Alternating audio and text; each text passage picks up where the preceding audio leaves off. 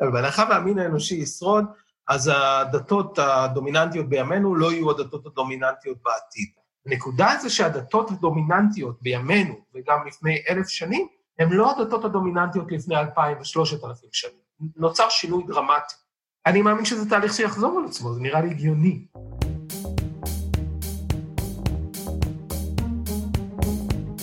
המצב הפוסט-אנושי, אקטואליה בראי העתיד. פודקאסט על טכנולוגיה, תרבות ורוח, עם דוקטור כרמל וייסמן. שלום לכולם, אנחנו באמצע חג הפסח וגם ב-1 באפריל, אז הפעם נדבר על תנועות דתיות חדשות, ואיך הדבר הזה קשור גם לתיאוריות קונספירציה. מה ההבדל בין הדתות החדשות לישנות? האם יום אחד תנועות כמו הסנטולוגיה או דת המטריקס יטענו שהן הברית העוד יותר חדשה ויתפסו את המקום ששמור למסורת בעתיד של הצאצאים שלנו? האם חלק מהעידן הפוסט-אנושי, שהוא ביקורת על הנאורות, הוא גם סוג של היפוך נאורות? משהו שמחזיר אותנו בעצם לעידן הטרום-מדעי שבו האמנו שהארץ היא שטוחה למשל? או שאולי יש לנו כאן תופעה חדשה של דתות פוסט-מודרניות ורמיקסים ייחודיים של תיאולוגיה עם מדע בדיוני, תיאוריות קונספירציה ועוד? האורח שלנו היום הוא דוקטור אדם קלין אורון, אנתרופולוג של הדת ממכון ון ליר, שחוקר את כל הדברים האלו. מכיוון שאדם הוקלט מרחוק בתקופת הסגר, אני מתנצלת מראש על הפערים באיכות הסאונד. אז בואו נתחיל. All right, uh, lift off and the clock has started.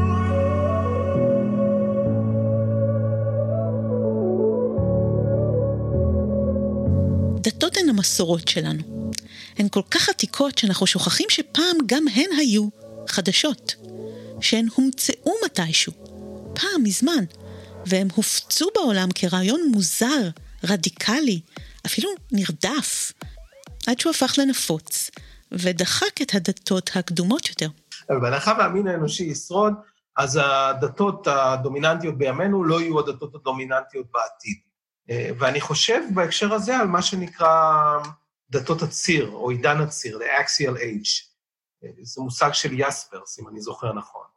הוא אומר, קרה משהו בסביב המאה הרביעית לפני הספירה, למאה הראשונה-שנייה בספירה, שבה בהמון מקומות בעולם שלא היו קשורים בהכרח אחד בשני, ובטח לא בעוצמה חזקה, נוצרו דתות חדשות ותפיסות חדשות, והוא בעיקר מדבר על דתות, אבל זה גם תפיסות חברתיות, חדשות שהן שונות ממה שהיה קודם, ובאופן די מהותי, ולאט לאט הם הלכו ותפסו תאוצה, ואז די מהר הם נהיו דומיננטיות, והדתות הישנות הלכו ונחלשו. בעצם היהדות בגרסה המוכרת לנו, הנצרות בעיקר בגרסה המוכרת לנו, האסלאם אחר כך, זה יותר מאוחר, ודברים אחרים, ובסין סוג מסוים, ובבודהיזם ודברים כאלה, הם שהם לא היו אה, דואליסטיות וגנוסטיות. זאת אומרת, הידע בהם לא היה אזוטרי וסודי כל כך, ולא היה להם תפיסה מובהקת של עולם שנשלט בידי כוחות שליליים ושצריך להיאבק בו בעזרת כוחות חיוביים. זה, זה הופך, הדתות האלה יותר טרנסצדנטיות, זאת אומרת, היעד שלהם הוא בעולם הבא ולא בעולם הזה לפעמים, כל מיני דברים כאלה שאפשר לחשוב איך הם השפיעו על ההיסטוריה. הנקודה זה שהדתות הדומיננטיות בימינו, וגם לפני אלף שנים, הן לא הדתות הדומיננטיות לפני אלפיים ושלושת אלפים שנים. נוצר שינוי דרמטי. אני מאמין שזה תהליך שיחזור על עצמו, זה נראה לי הגיוני. בהחלט ייתכן שאנחנו חיים כרגע במעין עידן ציר חדש שכזה. אבל מהי הבשורה של הציר החדש? הדתות הדומיננטיות של העתיד מכונות היום במחקר תנועות דתיות חדשות. ביקשתי מאדם לאפיין אם יש בהן חדש מעבר לתזמון שלהם, שהוא כאמור דבר יחסי. מה חדש בדתות החדשות? תנועה דתית חדשה, יש מחלוקת מסוימת בין החוקרים לגבי איך היא מוגדרת, אבל רובם מסכימים על שלושה קריטריונים מרכזיים. הקריטריון הראשון הוא שהיא צריכה להיות חדשה, ומבחינתם חדשה, קו, ה... הקו המפריד הוא פחות או יותר 1945. הנקודה השנייה, שבתנועה דתית חדשה בדרך כלל מדברים על מבנה ארגוני שמושפע ממבנה ארגוני בירוקרטי של חברות עסקיות, בעיקר במערב. והאלמנט השלישי, שלפי דעתי הוא כנראה הכי חשוב לגבי רוב התנועות הדתיות החדשות, הוא שהטכניקות שלהן משת... עושות שימוש באמצעים פסיכולוגיסטיים, מה שמכונה לפעמים פולק סייקולוגי, זאת אומרת פסיכולוגיית המונים או פסיכולוגיה פופולרית. כשהם לוקחים את שלושת הרכיבים האלה יחד, זה מכסה את רוב, אבל את לא, לא את כל התנועות הדתיות החדשות. הרבה אנשים מסכימים שדי יהובה, Jehovah's Witnesses, הם תנועה דתית חדשה, אבל הם נוצרו במאה ה-19. תנועה דתית חדשה מאוד שהייתה בישראל, כמו זאת של גואל רצון, אם רוצים להתייחס לזה כמו דת או כמו דת, תנועה דתית, היא לא מאורגנת, לא כמו, כמו ארגון עסקי בכלל, ואפשר גם להתווכח על הפסיכולוגיזם. בטח עברה לכם בראש המחשבה, זה כת, לא דת. ובכן, זה לא כל כך פשוט למתוח גבול ברור בין דת לכת במחקר. זה לא עניין של גודל או משהו ספציפי בהתנהלות. גם הנצרות הייתה פעם כת נרדפת באימפריה הרומית. הגדרה אחרת שכבר נכנסת למחוזות של מה שמכונה כת או לא כת, מדברת על תנועות דתיות חדשות כתנועות שיש להן במידה כזאת או אחרת את המאפיינים שדיברתי עליהן, אבל חוץ מזה הן לא מקובלות חברתית. זאת אומרת, יש כלפיהן איזושהי רדיפה או סנקציות או התנגדות מצד החברה. הבוסט הגדול של חקר התנועות החדשות והכתות בעולם התחיל מההתאבדות ההמונית אה, בג'ונסטאון.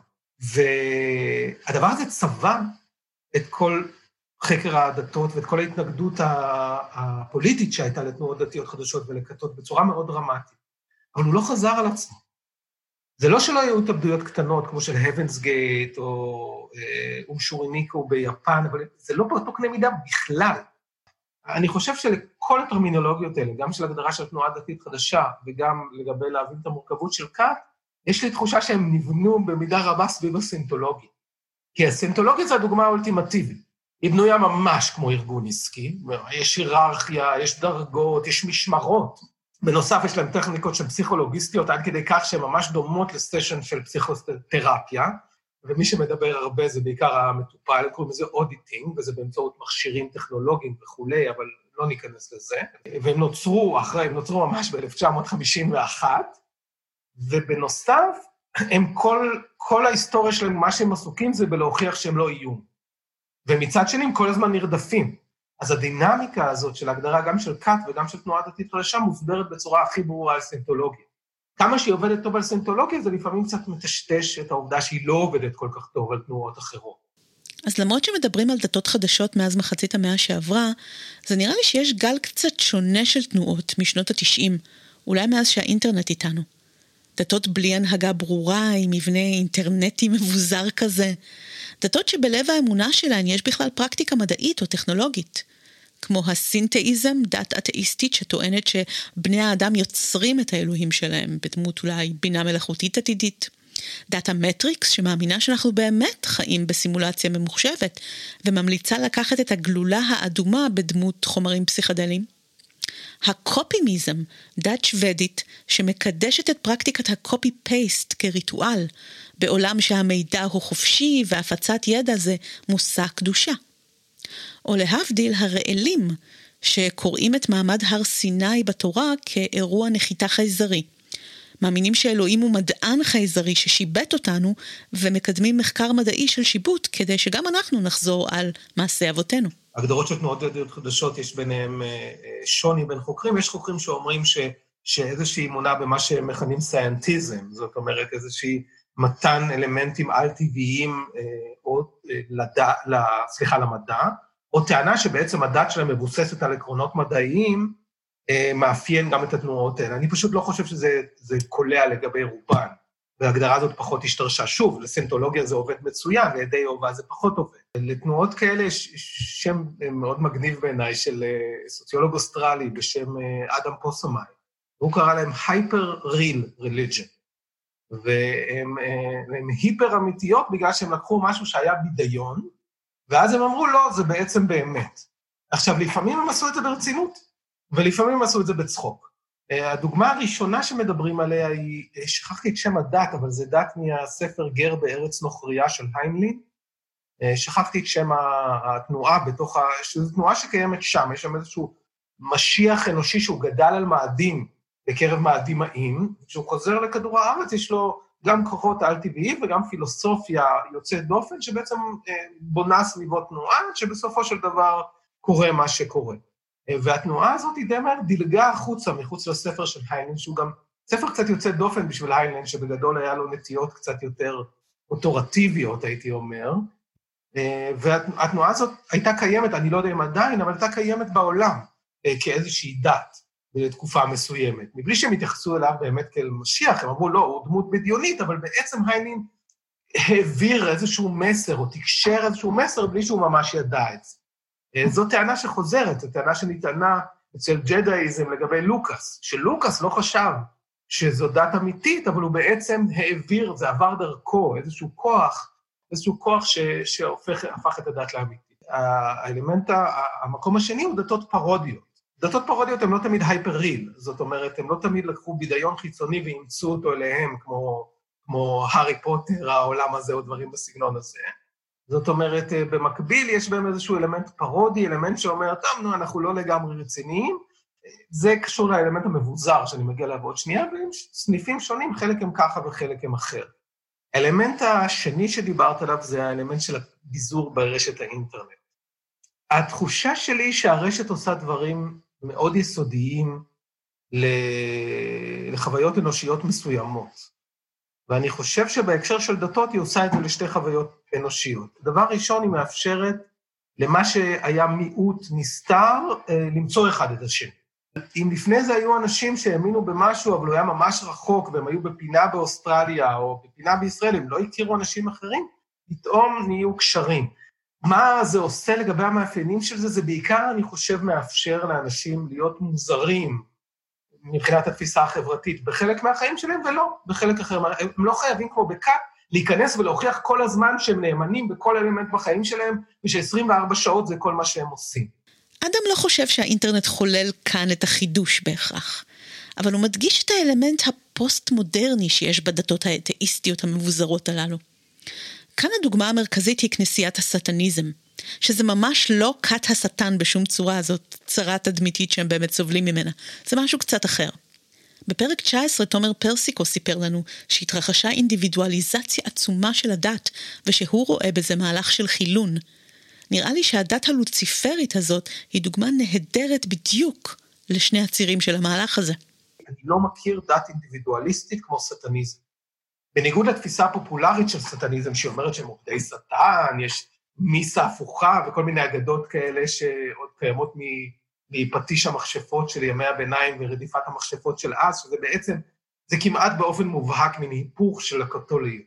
זאת אומרת, אמרו, הנה קתוליות, הנה ההפך, הנה קתוליות, הנה ההפך, עד כדי הצלב ההפוך. הסטניזם של ימינו, של, של אנטון לביא וממשיכיו, כל מה שהוא אומר, זאת חתיכת אמירה, אבל כל מה שהוא אומר, זה שמה שאתה מאמין בו קורה בעולם, וש- you need to look out for number one, זאת אומרת, אתה צריך לדאוג לעצמך, ולכן, ה- ה- ה- למה זה סטניזם? כי המודל שלך הוא האינדיבידואליסט הראשון, לוציפר. כאילו מישהו שאומר, אני לא יגידו לי מה לעשות, אני קובע מה הכללים שלי. לזה הוא הוסיף, או כי הוא האמין בזה, או כי הוא לא רצה שיוציאו אותו מחוץ לחוק, שאל תפגע באחרים. עכשיו, בגלל שזה כל כך היפר אינדיבידואליסטי, האנשים האלה בדרך כלל לא מתכנסים ביחד יותר מדי. האינטרנט מאפשר להתגבר על זה. אתה יכול להיות ביחד ולא להיות ביחד, וקצת ביחד ולא יותר מדי, ולכתוב דברים ביחד, אבל אז להתעלם מאחרים. ומה שנוצר בקבוצות כאלה הרבה פעמים זה, זה שנאה הדדית מאוד חזקה. זאת אומרת, ה... זה אגב גם קורה בתיאוריות קונספירציה. האנשים האלה לא סומכים על אף אחד, ולכן גם לא סומכים אחד על השני. אם מישהו אומר משהו שונה, אז הם בסופו של דבר מנתקים קשר, כי שוב, זה אינדיבידואליזם. אוקיי, אתה היפר אינדיבידואליסט, ומה שאתה אומר קורה בעולם, אז אתה עושה אינקנטציות ואתה מדליק נרות בתוך פנטגרם, אתה חושב שזה מזמן את השטן? הם יגידו לך, יכול להיות שזה מזמן את השטן, יכול להיות שזה שאני משחק בהצגה גורם לי להאמין שהכוח שלי יותר חזק, ויכול להיות שאם אני משהה את הספק, כי ככה דתות עובדות על ידי השהיית הספק, אם אני משהה את הספק זה גורם לי לזמן איזשהו כוח שלא אמרתי שקיים חיצונית בעולם, אבל יכול להיות שהוא כן חיצונית בעולם, זאת ממש דת פוסט-מודרנית. זה מין כן ולא, וגם וגם, במין צורה שבדרך כלל דתות הן לא. ודתות פוסט-מודרניות, הם, כתבו עליהן הרבה, וזה באמת אולי קשור לגל של שנות ה-90 שלך, התחושה שלי תמיד הייתה שהן לא יכולות להיות גדולות. זאת אומרת, המצב האקזיסטנציאלי הזה של להיות מין, מין המאמין של שרדינגר, שהוא גם וגם, וגם בפנים וגם בחוץ, וגם מאמין וגם לא מאמין, הוא, הוא נורא מתיש. ובשביל אנשים מסוימים זה מתאים להם, אבל לרוב האנשים זה נראה לי לא, לא הסיבה, או לא המניע שלהם להצטרף לדת. ראיתם במקרה את המחזמר המצוין Book of Mormon? מדובר בסיפור של מיסיונר מורמוני, ש... אזהרת ספוילר, לא מצליח לעניין את הילידים בנרטיב המורמוני, שהוא סוג של ספין של הנצרות. אז הוא מתחיל לספר להם את העלילות של סטאר וורס במקום זה.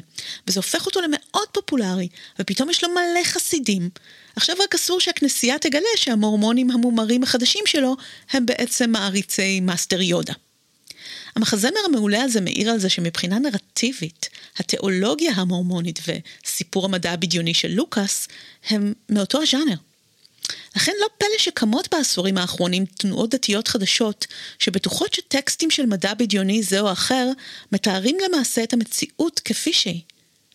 שאלתי את אדם אם לדעתו הסיפורים של הדתות החדשות הללו שונים מהותית מאלו של הדתות הישנות, אולי יותר תואמות לרוח התקופה שלנו.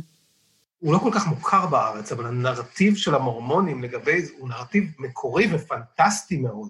אה, כי, כי הם טוענים בעצם שהאמריקאים הם הנבחרים, ולא הנבחרים כי הם היגרו מאנגליה והם הסקטה הנבחרת של הפרוטסטנטיות, אלא שממש גנטית הם הנבחרים. זאת אומרת, הם ממש השבט ש... ויש איזשהו מאבק מיתולוגי וכולי וכולי. אין ספק שהתנועות דתיות חדשות משקפות את זמנן מבחינה נרטיבית. דתות חפצות חיים חייבות להתאים את עצמן לתקופה. לכן אני לא חושב שדתות חדשות הן יוצאות דופן במובן הזה. מה שהרב קוק, האבא וקצת הבן, אבל בעיקר האבא, עשו לגבי הציונות הדתית, ומה שהציונות הדתית עשתה זה חידוש עצום אה, מבחינה תיאולוגית ומבחינה נרטיבית, להגיד, יש פה איזושהי אדמה ו- וישות לאומית ודתיות שכרוכות אחת בשנייה, זה, זה חידוש מאוד גדול בשביל היהדות, בטח בשביל היהדות הרבנית, היהדות, אבל זה חידוש גדול בכל מובן מבחינה נרטיבית. הם לא תופסים את עצמם ככוח חדשני, הם תופסים את עצמם ככוח שמרני, אבל זה חידוש מאוד גדול, והוא נולד מתוך התקופה. הוא נולד בתקופה שבה הנרטיבים החזקים היו נרטיבים של לאומיות, והנרטיבים המנצחים בתוך היהדות היו נרטיבים של לאומיות. בימינו הנרטיבים בתוך היהדות הם נרטיבים אחרים, והם מייצרים, זה תמיד נהיה ברור יותר, 20-30 שנה אחר כך, מייצרים דתיות חדשה. מהי החדשה הזאת? שוב, כמעבדה המעניינת במיוחד, אני חושב, של היהדות, הציונות הדתית בימינו, היחס שלה לכלכלה, האימוץ שלה של ניאו-ליברליזם כעיקרון תיאולוגי, הוא משהו חדש, הוא, ניאו-ליברליזם לא היה כמושג וכחשיבה קיים בישראל בשנות ה-70, ובטח לא כשהתנועה הזאת נוצרה. קוק לא דיבר בצורה הזאת. אז הדברים האלה קורים כל הזמן בכל מקום. זה נכון שבתנועות מסוימות יותר ובתנועות מסוימות פחות, אבל מה ההבדל? שדתות חדשות, אין להן את המטען אחורה שהן צריכות לעשות איתו משהו. אם נוצרים בימינו רוצים להגיד, אתם יודעים מה, בעצם ישוע לא מת וקם לתחייה. הוא אף פעם לא מת. היו זרמים כאלה בנצרות, הם היו בעיקר בתקופה שבה הרגו אותם, אם הם חשבו ככה, אבל היו זרמים. כדי להגיד את זה, אתה צריך להתנגד למסורת שקיימת לפניך, ואתה ישר נהיה אוטומטית האויב אצל מיליוני, ממש, מיליארדי, במקרה של הנצרות, מאמינים, אם הם שומעים עליך. כשאלרון הווארד אומר יש דבר כזה סנטולוגיה, זה פוף, זה כאילו זה out of the blue, ואלרון הווארד היה חזק מאוד בלהמציא טקסטים ופנטזיות out of the blue, הוא היה, אני חושב שעד היום, אבל אם לא, הוא החזיק בשיא גינס, זה סופר שכתב הכי הרבה טקסטים. והוא היה איש מאוד מאוד מאוד, תוסיפו עוד עשרה מאודים פורה במובן הזה. אז הוא המציא את זה, ואז זה לא מתנגד לכלום. זה לא אומר ישוע, לא ישוע, משה, לא משה, זה כאילו חדש לגמרי, אתה לא צריך להשתחרר מאף מסורת, ואתה יכול להמציא משהו שהוא נרטיב חדש לחלוטין, ולכן יותר מותאם לתקופתו. האם זה אומר שהנרטיב הזה הוא באופן מהותי שונה מנרטיבים אחרים? אני לא חושב. כמו שדת מפלצת הספגטי המעופפת אוהבת להגיד, אם אתה עושה אזהרה קלה, קלה, יוצא צעד החוצה מהדת שלך ומסתכל עליה, אתה אומר, וואו, זה חתיכת סיפור. העולם הוא לא מקום נורא קוהרנטי. אנחנו הופכים אותו לקוהרנטי במאמץ סיפורי, נרטיבי כמעט בכל תחום, וגם דתות עושות את זה, אולי עושות את זה קצת יותר. אז אני לא מרגיש שיש שוני מהותי בין המיתוס, למשל, של הבריאה, או, או של הנפילה, אוקיי? המיתוס של הנפילה של האדם בסינטולוגיה לבין מיתוס הנפילה של האדם בנצרות. זה לא אותו מיתוס, הוא שונה לגמרי, הגיבורים הם אחרים, אבל זה מיתוס של נפילה. אני קם בשלוש, עומד על הראש, ובארבע חווה את הקרמה, ומחמש עד שש. אני לא מתייאש. יש לי את הסדהנה, אני יושב באסנה, אני יוגי רציני, כמעט כמו פטנג'לי. אני יוגי רציני, ואני גם יהודי. הייתי בסדנה של מדיטציה, איבדתי את הגרביטציה, המנחה הלך יחף, ונראה קצת מרחף. אז פניתי לייעוץ אצל אסטרולוג, שיעץ לי להתחיל לדאוג. כיום אני מתחיל לחגוג את ימי גוג ומגוג. כן, כן, לחגוג, לדאוג, ימי גוג ומגוג. תודה רבה לשנטם ואור זוהר על השיר גורו גורו. השיר הסאטירי הזה היה להיט על במות של פסטיבלים רוחניים לפני 15 שנה.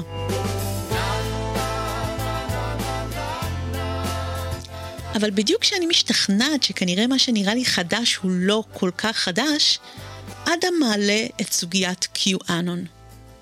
תיאוריית קונספירציה חדשה יחסית, שיש לה אלמנטים של תנועה דתית חדשה. ואם היא אכן כזאת, אז כאן דווקא יש משהו חדש לדעתו. אני חושב שבמובנים מסוימים מה שקורה עכשיו עם QAnon, אם זאת באמת תנועה דתית, זה, זה אחד הדברים היותר חדשניים שיש, והוא באמת האינטרנט שם משחק תפקיד, הביזור שם משחק תפקיד, האלמנטים הפס, הפנטסטיים והטענה שהם קיימים במציאות משחקים תפקיד מאוד משמעותי, והחידוש הגדול הוא שאין מיקוד בעצמי. זאת אומרת, זה לא שפר את עצמך, ולפחות לא בעצמי במובן הפסיכולוגיסט. QAnon היא סוג של תיאוריית קונספירציה שהתחילה להתפשט לפני בערך עשור. והטענה של QAnon היא כזאת. קודם כל היא טענה קלאסית של תיאוריות קונספירציה בימינו. תיאוריות קונספירציה באופן כללי היא האמונה שהעולם מנוהל או לפחות חלקים גדולים מהעולם, מנוהלים בידי קאבל, קבוצה קטנה של אנשים שפועלים מאחורי הקלעים, והאנשים האלה פועלים לטובתם האישית של אותם האנשים ולרעתם של האנשים האחרים. ושהם עושים את זה בחשאי. ושאם האנשים האלה גם יש להם חזית, למשל אה, אה, המסונים, הפרי מייסונס, הבונים החופשיים, אם יש להם חזית, אז החזית הזאת היא שקרית. והרבה פעמים אין להם חזית, אנחנו לא יודעים מי הם בכלל, הם רק מאחורי הקלעים. זאת טענה של תיאוריות קונספירציה. הטענה הזאת, הכללית של תיאוריות קונספירציה, היא נפוצה מאוד. רוב האנשים בעולם מאמינים בה לפעמים. אנטי-ביביסטים מאמינים בה היום על ביבי. ביביסטים מאמינים בה על בית המשפט העליון, אוקיי? אז שלא נחשוב שאנחנו נקיים מתיאוריות קונספירציה. ככה, כהגדרה רחבה, זו צורה מאוד נפוצה של חשיבה בעולם. אבל לא כל האנשים, כל השקפת העולם שלהם היא קונספירטיבית. זאת אומרת, בכל מקום הם רואים את זה. ואנשים שהם ממש חסידי תיאוריות קונספירציה, בכל מקום הם רואים את זה. לאן שהם לא מסתכלים, הם רואים מאחורי הקלעים מישהו שמושך בחוטים. ועד כאן, אה, QAnon הוא די סטנדרט. הוא סטנדרטי בעוד מובן. הוא אימץ תיאוריות שלא הוא המציא, שמדברות על זה שהכבל הזה הוא אכזרי בצורה שלא תתואר. הוא גם שואף לדיקטטורה עולמית, ממש, שוב, לא המצאה מקורית של QAnon, יש תיאוריות קונספירציה כאלה כבר לפחות 300 שנה, אם לא לפחות 2,000 שנה. הוא עושה דברים איומים אה, גם מבחינה מינית, גם פה זה לא חדש להגיד שיש תאוות איומות לאנשים האלה, לאנשים של, שהם נמצאים מאחורי הקלעים, אה, ובעיקר לילדים. אתה רוצה לסמן מישהו כממש רע, אז ילדים, והם פדופילים. אבל מעבר לזה שהם פדופילים, הם גם קניבלים. זאת אומרת, הם לא אוכלים ילדים, אלא הם שותים את הדם שלהם, אחרי שהם עינו אותם, כי הדם של הילדים מכיל איזשהו חומר שנקרא אדרנוכרון, והחומר הזה עוזר להם להישאר צעירים וחזקים. במובן הביולוגי, ממש. יש כאלה שטוענים שממש בני על. גם זאת לא המצאה של QAnon. טרום QAnon, היו טענות כאלה על הילרי קלינטון, הוא רק הפך אותם ליותר פופולריים. כל זה לא סתם מריח, אני מניח, לשומעים היהודים שלנו, מתיאוריות אנטישמיות קלאסיות. כי אם יש תיאוריית קונספירציה שהייתה נפוצה במיוחד במהלך המאה ה-20 וגם המאה ה-19, וגם לכו אחורה, אה, הן תיאוריות אנטישמיות. QAnon לוקח את כל זה, אומר נכון, ואני אוסיף לזה משהו. ומה שהוא מוסיף לזה זה שני דברים. דבר ראשון, הוא קורא לעצמו Q, בגלל שיש לו סיווג ביטחוני Q, שזה סיווג ביטחוני גבוה במיוחד בארצות הברית. הוא אומר, אני פקיד בכיר בפקידות האמריקאית, בכיר מאוד, בשירות איפשהו, הוא אנונימי, לכן הוא נקרא QAnon, אה, ואני מדליף לכם את המציאות. מה שאני מדליף לכם זה דיווח מאחורי הקלעים של החדשות, זה לא הייתה, היה לי חזון, זה לא נראה לי כי אני מלקט את העובדות, אני יודע את זה, ממש, כי אני מבפנים. למה זה גאוני? כי תמיד קונספירטיבים הכי אוהבים מומרים. מישהו שאומר, אני יכול להעיד שה, שה, שהמסונים הם באמת מסוכנים, כי אני הייתי מסון, אתן לכם דיווח. אז קיואנון אומר, אני לא מומר, אני מבפנים. זאת אומרת, אני יכול להעיד לכם, כי אני ממש שם, תוך כדי בזמן אמת אני מדווח לכם. זה במובן מסוים משהו שהיה קשה שיקרה לפני האינטרנט. כי איך הוא יכול להיות גם פקיד בממשל וגם בלילות ללכת להפיץ סטנסילים ו- ולחלק אותם, אבל באינטרנט הוא, יש, הוא כותב הודעות בטוויטר. את זה הוא עושה בחמש דקות בשירותים בין הישיבות של הבכירים הביטחוניים. הדבר השני שקיואנון מוסיף, שהוא המקום שבו אולי הוא נהיה דת, זה שהוא אומר, אבל יש לנו ישועה. טראמפ הוא בעצם נבחר לנשיאות כי הוא יודע את כל הדברים האלה. הוא הצליח איכשהו בכל זאת להיבחר, והוא עושה את זה כדי לנקות אורוות. ומה שהוא יעשה זה אוטוטו, עוד רגע, הוא עושה הפיכה מבפנים, כן, הבן אדם נשיא. מבפנים הוא עושה הפיכה, הוא מכניס את כל האנשים האלה לכלא, את הילרי קלינטון, את השופטים, את כל הפדופילים, את הרוקפלים, את הרוטשילדים, או הורג אותם, סוגר את מחנות העינויים לילדים שיש בדברים האלה, אוטוטו זה קורה, ואז הוא גם יחשוף שזה מה שהיה כל הזמן. הוא לא יכול לעשות את זה כרגע, כי אז הלגיטימציה שלו תיעלם. והוא אומר כבר כמה פעמים, ופה הוא גם מזכיר דתות, הוא נתן תאריך, הוא אמר זה יקרה ב-X, זה יקרה ב-Y, זה יקרה, אני לא יודע אם הוא נתן ימים, הוא נתן חודשים. ואז הוא אמר, זה לא קרה כי אם הוא נתן איזשהו תירוץ, הוא אמר כי בעצם העבודה הטובה ממשיכה ולא היה צריך את זה, ואנחנו מאחורי הקלעים. זאת אומרת, הוא מוסיף לתיאוריות הקונספירציה דמות של משיח. וזה לא היה בתיאוריות הקונספירציה מהזן הזה עד עכשיו. אז אם יש משהו חדש שאני מרגיש שהוא אולי דווקא מתרחש בשנתיים, שלוש האחרונות, יותר משהוא התרחש בשנות ה-90, יש גם נציגים ל-QAnon בארץ עכשיו, שאומרים שזה לא רק טראמפ, זה טראמפ וביבי ואורבן ו, ובולסנרו, זאת אומרת, הם בעצם קאבל שנלחם בקאבל. בכל מקום שהמשטרה תסגור על ערים אדומות למשל, מה שיעשו זה ייפטרו מכל הפדופילים, יעצרו את כל השופטים המושחתים, אה, יכניסו את הבנקאים לכלא, ולכן אנחנו צריכים לציית לסגר. ואז המתנגדים אומרים, אה, אתם אומרים שצריך לציית, ברור שאתם חלק מהאויב. ולכן נוצרות פה מלחמות, שאפשר לקרוא להן מלחמות דת, רק אני לא בטוח אם זה דת, בין חסידי QAnon למתנגדי QAnon בתוך העולם הקונספירטיבי. האויבים שלך בתיאוריות קונספירציה כאלה הם לפעמים מילולית, ואם לא מילולית אז מטאפורית, אבל בצורה חזקה, לא אנושיים. הם עושים דברים איומים ונוראים, וכל האמצעים כשרים להילחם. ואנחנו רואים איך החשיבה הקונספירטיבית הזאת היא משרתת פוליטיקאים שרוצים לייצר מצב כזה שאסור לדבר עם היריב. אה, וזה נראה לי כהתפתחות פוליטית, יותר מאשר דתית, זה נראה לי התפתחות פוליטית מדאיגה. אז האם QAnon הוא רמיקס פוסט-מודרני של קונספירציה ודת, או אולי מסמן חזרה לעידן דואליסטי של דתות טרום עידן הציר? QAnon הוא דואליסטי לגמרי. עכשיו, האם זה אומר שאנחנו חוזרים לתפיסות דואליסטיות דתיות? אני לא יודע. פוליטית אנחנו בעידן דואליסטי. וזה מעניין, כי דואליזם לא יודע לעשות פשרות. ראינו בפודקאסט הזה הרבה פעמים שהעתיד הוא העבר העוד יותר רחוק. אז האם העידן הפוסט-אנושי עושה גם היפוך לנאורות ומחזיר אותנו לסוגי חשיבה קדומים יותר? הדוגמה הכי טובה לזה היא ההתפשטות של האמונה בזה שכדור הארץ אינו כדור, אלא הארץ שטוחה. המאמינים הללו בארץ הם מושא המחקר החדש של אדם. כשאני חוקר את הארץ השטוחה בימינו, אז אני חשבתי שאני הולך לגלות אנשים שהם בעצם אה, סוג של מדענים בתפיסה העצמית שלהם. לא אומרים, יש את המדע הקיים, הוא שקרי מכל מיני סיבות, אנחנו נעשה את המדע שלנו, אה, ואנחנו במדע הזה נהיה אמפיריציסטים בטירוף. זאת אנחנו נאמין רק למה שאנחנו רואים בעיניים, לא למה שאמרו, לא למה שכתוב, לא למה שלימדו אותנו בספרים, לא למה שאומרים פוליטיקאים או מורים, או מדענים שהם כולם מושחתים וכולי וכולי. אלא אנחנו מסתכלים על העולם, ואנחנו רואים שאין כימור. אה, אנחנו אמורים להאמין שהעולם מסתובב בתוך גלקסיה שזזה, בתוך, אה, בתוך מערכת שמש שזזה, אבל אני מרים את היד כשאני מרטיב את האצבע ואין רוח, ואני לא מרגיש תנועה. זה הפילוסופיה האמפיריציסטית של המהפכה המדעית, או טרום הנאורות. החושים שלי אומרים לי שהעולם שטוח ולא בתנועה. וכשאני עושה כל מיני ניסויים בעצמי, אז אני מגלה שאני צודק. זה נכון שהניסויים האלה בדרך כלל ניסויים די חובבניים מבחינה מדעית, אבל עדיין, הם עושים אותם בעצמם. אבל כשאתה נכנס פנימה, כשאתה מתחיל לדבר עם האנשים האלה, אתה מגלה שזה, וזה לא היה צריך להפתיע אותי, אני מניח, יותר מזה הם, הם מאמינים בתיאוריות קונספירציה. והסיבה שמאמינים בתיאוריות קונספירציה זה, אם העולם הוא לא עגול, זה אומר שפחות או יותר כל סוכנויות הממסד שאתה יכול לחשוב עליהן, הן שותפות למזימה של ההסתרה של העולם השטוח. כולם שותפים למשימה, כולם משקרים לנו כל הזמן. ואם כולם משקרים לנו כל הזמן, יש להם סיבה, וזאת קונספירציה. ורוב הזמן הם מתעסקים בתיאוריות קונספירציה כמו כאלה שתיארתי קודם. ורוב הזמן הם מדברים על, על, על האכזריות האיומה של ה cabal מאחורי הקלעים.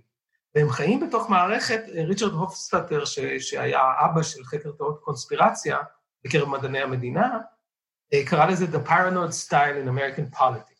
הם חיים בתוך ה paranoid style הזה. זאת אומרת, הם באופן בסיסי לא מאמינים לסמכות. זה בעצם נהיה המוקד של המחקר שלי, יותר מאשר העולם השטוח. כי יותר משהם עסוקים בלהיות מדענים, הם עסוקים בלהיות פרשנים של המציאות. ואומרים, המציאות כל הזמן, הכבל הזה שפועל מאחורי הקלעים, כל מה שהוא עושה זה מייצר שם שדה מוקשים תודעתי של שקרים וכזבים ואשליות שנועד לגרום לך לא להאמין בעצמך ולא להאמין למה שאתה רואה ומה שאתה יודע שהוא אמיתי. אה, אני אתן כדוגמה תיאוריית קונספירציה שמאוד נפוצה בקרב חסידי העולם השטוח בארץ, לא כולם מאמינים בה, אבל רבים מאמינים בה, זה תיאוריה של טרנס-ג'נדרים מוסתרים. זאת אומרת שהרבה מאוד מהאליטה התרבותית, הפוליטית, הכלכלית, המפורסמים, הם בעצם היפוך מגדרי. אתה רואה את גל גדות, אתה מסתכל, אתה רואה שיש לה מבנה פנים וגוף של גבר, זה כי היא בעצם גבר. אתה רואה את יהודה לוי, הוא בעצם אישה. הילרי קלינטון היא בעצם גבר. כל מי שהוא מפורסם הוא הפוך. עכשיו, למה הם עושים את זה? קודם כל כי הם סוטים, אוקיי? האליטה הם סוטים, אמרנו את זה, הם לא ממש אנושיים. וב' הם עושים את זה כדי שלא תאמין בעצמך. אתה מסתכל בעולם, אתה אומר, ואז מישהי כתבה באחד הפורומים, אני, כל מקום שאני הולכת ברחוב, אני כל הזמן מסתכל על אנשים ואני אומרת, רגע, זה גבר, זה אישה, זה גבר, זה אישה. אז הם רוצים שאתה תהיה במצב הזה של הבלבול התודעתי המוחלט כל הזמן. אחרי שראיינתי כמה מהם, אז התחושה הראשונה שלי הייתה התחושה של האימה, לא מהם, מהעולם שהם חיים בו. אמרתי להם, זה לא נורא מפחיד לחיות בעולם שבו יש כוחות איומים, באמת הכי איומים שאת יכולה לדמיין, מאחורי הקלעים, הם יכולים לעשות הכל, והם גם משקרים לך כל הזמן, זה, אתה לא יכול להאמין בשום דבר. איך אתה יכול ללכת לעבודה, איך אתה יכול להתחתן, איך אתה יכול... יש חלקם, יש להם ילדים, איך אתה שולח אותם למערכת החינוך? אז התשובה שלהם לזה הייתה מעניינת. הם אמרו, מה זאת אומרת? זאת המציאות. היא מציאות אם אתה מאמין בה ואם אתה לא מאמין בה. אתה עוד חי באשליה, אני עוד חי באשליה. אנחנו כבר התעוררנו. אז אתה רוצה, מה שאתה אומר לי בעצם, אומרים, זה שאתה רוצה לחיות בתוך עולם שאתה רוצה שיתקעו אותך חזרה למטריקס. ההוא שאומר, לא אכפת לי שהסטייק הזה הוא שקר, הוא טעים לי ואני רוצה את הסטייק הזה. סבבה, תאכל את הסטייק שלך, אבל אל תגיד לי שאני חי באשליות. הדבר השני שרבים מהם אמרו לי, הם אמרו לי, מה זאת אומרת, אחי? אני אציל את העולם. זאת אומרת, אני יודע את זה, זה נכון, שוב, ואני אעשה משהו בקשר לזה. ולכן אני החזית, אנחנו הנבחרים. לא כולם מדברים בטרמינולוגיה הזאת. חלקם אומרים, כל מה שאנחנו יכולים לעשות זה להישאר ברקע, לחכות שתהיה אפוקליפסה ואז לצאת, כי זה, כוחות, זה לא כוחות. האם זה חזרה לקדם נאורות במובן שנכנסים למערכות לא רציונליות? לכולנו יש הטיות אישוש כל הזמן, גם למדענים. אנחנו מאמינים ביותר במה שנוח לנו יותר, או מתאים לנו יותר להשקפת העולם שלנו כל הזמן. אז אני לא יודע אם פה זה חזרה לקדם נאורות, או פשוט, סליחה, אסור לאנתרופולוגים להגיד את זה, אבל פשוט הטבע האנושי. אדם עשה את מחקר הדוקטורט שלו בכלל בשדה הניו אייג' על תופעת המתקשרים בישראל. אבל נראה שיש קשר בין אמונות רוחניות לבין אמונות קונספירטיביות. ולו ברמת ה mindset או הנחת היסוד שקיים בכלל עולם על-אנושי, בלתי נראה, בלתי מובן, שמושך בחוטים מאחורי הקלעים של המציאות. אבל במציאות שלנו בשנה האחרונה במיוחד, הקשר בין שני העולמות הללו הואץ וייצר מציאות חדשה. פה זה המקומות שבהם ה counter culture, העידן החדש, קצת פוגש את תיאוריות הקונספירציה, מה שנקרא קונספירטואליטי, זה מונח שנקבע לפני כמה שנים. כי גם אלה וגם אלה לא מאמינים בממסד. ולכן בימינו, אם אתה נכנס לקבוצות כמו לא יהיה בסגר, אז אתה רואה שם אנשים שהם רוחנים, ואתה רואה שם אנשים שהם קונספירטיביים, ואתה רואה שם אנטי-ביביסטים ואתה רואה שם ביביסטים, אבל כל מיני אנשים שבגדול מאמינים שמאחורי הקלעים יש כוחות גדולים שפועלים נגדנו. והחוסר אמונה הזה בממסד, אה, שאלה טובה לאן הוא יוביל. כאילו, מה יקרה עם מה שהאמריקאים קוראים לו ה-disenfranchise? האנשים האלה שלא מרגישים יותר שהכוחות החזקים פועלים בשבילם או שהם חלק מהם. ומהם, בניגוד לחסידי תיאוריות קונספירציה כמו קיואנון, יש די הרבה. אפילו בישראל כבר הייתי אומר שיש עשרות אם לא מאות אלפים. בארצות הברית הם כבר בוודאי מיליונים. לאן הם ילכו כל הדיסנפרנצ'ד הזה? הם יתאגדו ביחד, ואם כן, האם זה יהיה כוח מהפכני? זאת שאלה פתוחה ומעניינת וגם קצת מבהילה. הקורונה עושה משהו מעניין בשביל מדעני החברה, היא כוח חיצוני שהוא כל כך חזק, או התגובה אליו היא כל כך חזקה, שהוא מייצר איזה שינוי חברתי דרמטי. הכוח הזה מערבל כל מיני דברים כמו זהויות, ובמובן הזה הוא, הוא גם מאיץ תהליכים. כי את הקונספירטואליטי הזה, את המפגש בין העידן החדש לבין אה, אה, תיאוריות קונספירציה שלרוב מגיעות דווקא מהימין, הוא לא היה טרום קורונה, אבל זה, זה נתן איזה בוסט מטורף. זה קבוצות זהות חדשות, זאת אומרת, אתה רואה מישהו ש, שעד לפני שלוש שנים היה כולו אור ואהבה והודו ועומד בהפגנה שכם, שכם ליד שכם, עם, עם בן אדם שמאמין שיש פדופילים בתעשייה ששותים דם של תינוקות. זה לא בדיוק אור ואהבה, אבל זה כבר, זה כאילו שאתה נהיית כל כך ליברל וכל כך שמרן שנפגשתם. שהאיאן רנדיסטים פוגשים את, אה, אה, את, את, אה, את החסידים של אושו. אני רואה כאן את היפוך הנאורות שדיברתי עליו בעוד מובן. חזרה לתודעה מאוד שבטית בכל שסעי הזהות הללו.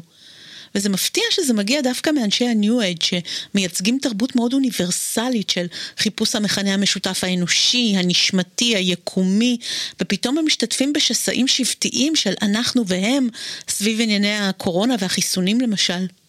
הם היו, הם היו הקוסמופוליטים, האוניברסליסטים, הם היו כאילו, uh, במובן הזה, לא במובנים אחרים, הם היו האדם של הנאורות, כן? לא שהנאורות הייתה אוניברסליסטית, היא רק העמידה פנים, כן? אבל uh, כולם, כולם יש להם את הפוטנציאל להיות גבר לבן. גם אצל אנשי העידן החדש זה היה קצת ככה. פן אנושיים, כולנו רקמה אנושית אחת, כולנו בעצם, אין בינינו גבולות, זה רק הפוליטיקאים וכולי וכולי. אבל רק אנחנו המוארים באמת יודעים את זה, ולכן רק אנחנו המוארים באמת מתקדמים. עדיין יש פה איזושהי תפיסה לימנארית, אה, ולכן אה, יש בזה משהו, אני חושב שעלית כאן על משהו. לצד זה ששוב, גם קודם זה לא היה עד כדי כך אוניברסליסטי, זה כן היה גם אוניברסליסטי, ועכשיו זה, זה הולך ונחלש. נראה לי שמחקרים כאלו מספקים לנו הצצה אנתרופולוגית לקישקע של הפוסט-אמת. למקום שמה שמאחד קבוצות מאוד שונות זה היעדר האמון במוסדות כמו ממשלה, מדע, תקשורת. ואנחנו חוזרים למקום פוסט-מודרני או אולי פוסט-אנושי מעניין, שמחבר בין הסתמכות על החושים של היחיד לאמונה במיתוסים אפיים בבסיס הקיום.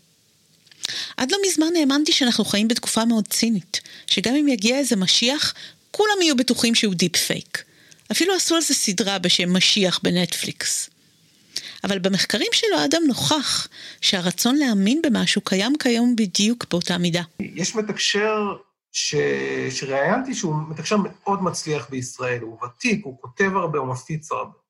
ויש לו איזושהי תיאוריה, אה, מיתולוגיה של, של אה, מלחמה בין אור לחושך, שנמשכת כבר מיליארדי שנים בעצם מאז הבריאה, וגם הבריאה הזאת היא לא הבריאה הראשונה ודברים בסגנון הזה, זה ממש, במובן האפי של זה, זה קצת כמו סטאר וורס, אבל זה לא סטאר וורס, זאת אומרת, זה, זה, זה ז'אנר קצת אחר, וזה גם, זה נשמע מדע בדיוני, והוא ככל שהוא מתקשר יותר שנים, הוא יותר ויותר מפיץ מסרים שקשורים במיתולוגיה הזאת, הוא מקבל מסרים מישויות שמעורבות במאבק שחמט הנמשך אה, מיליארדי שנים הזה.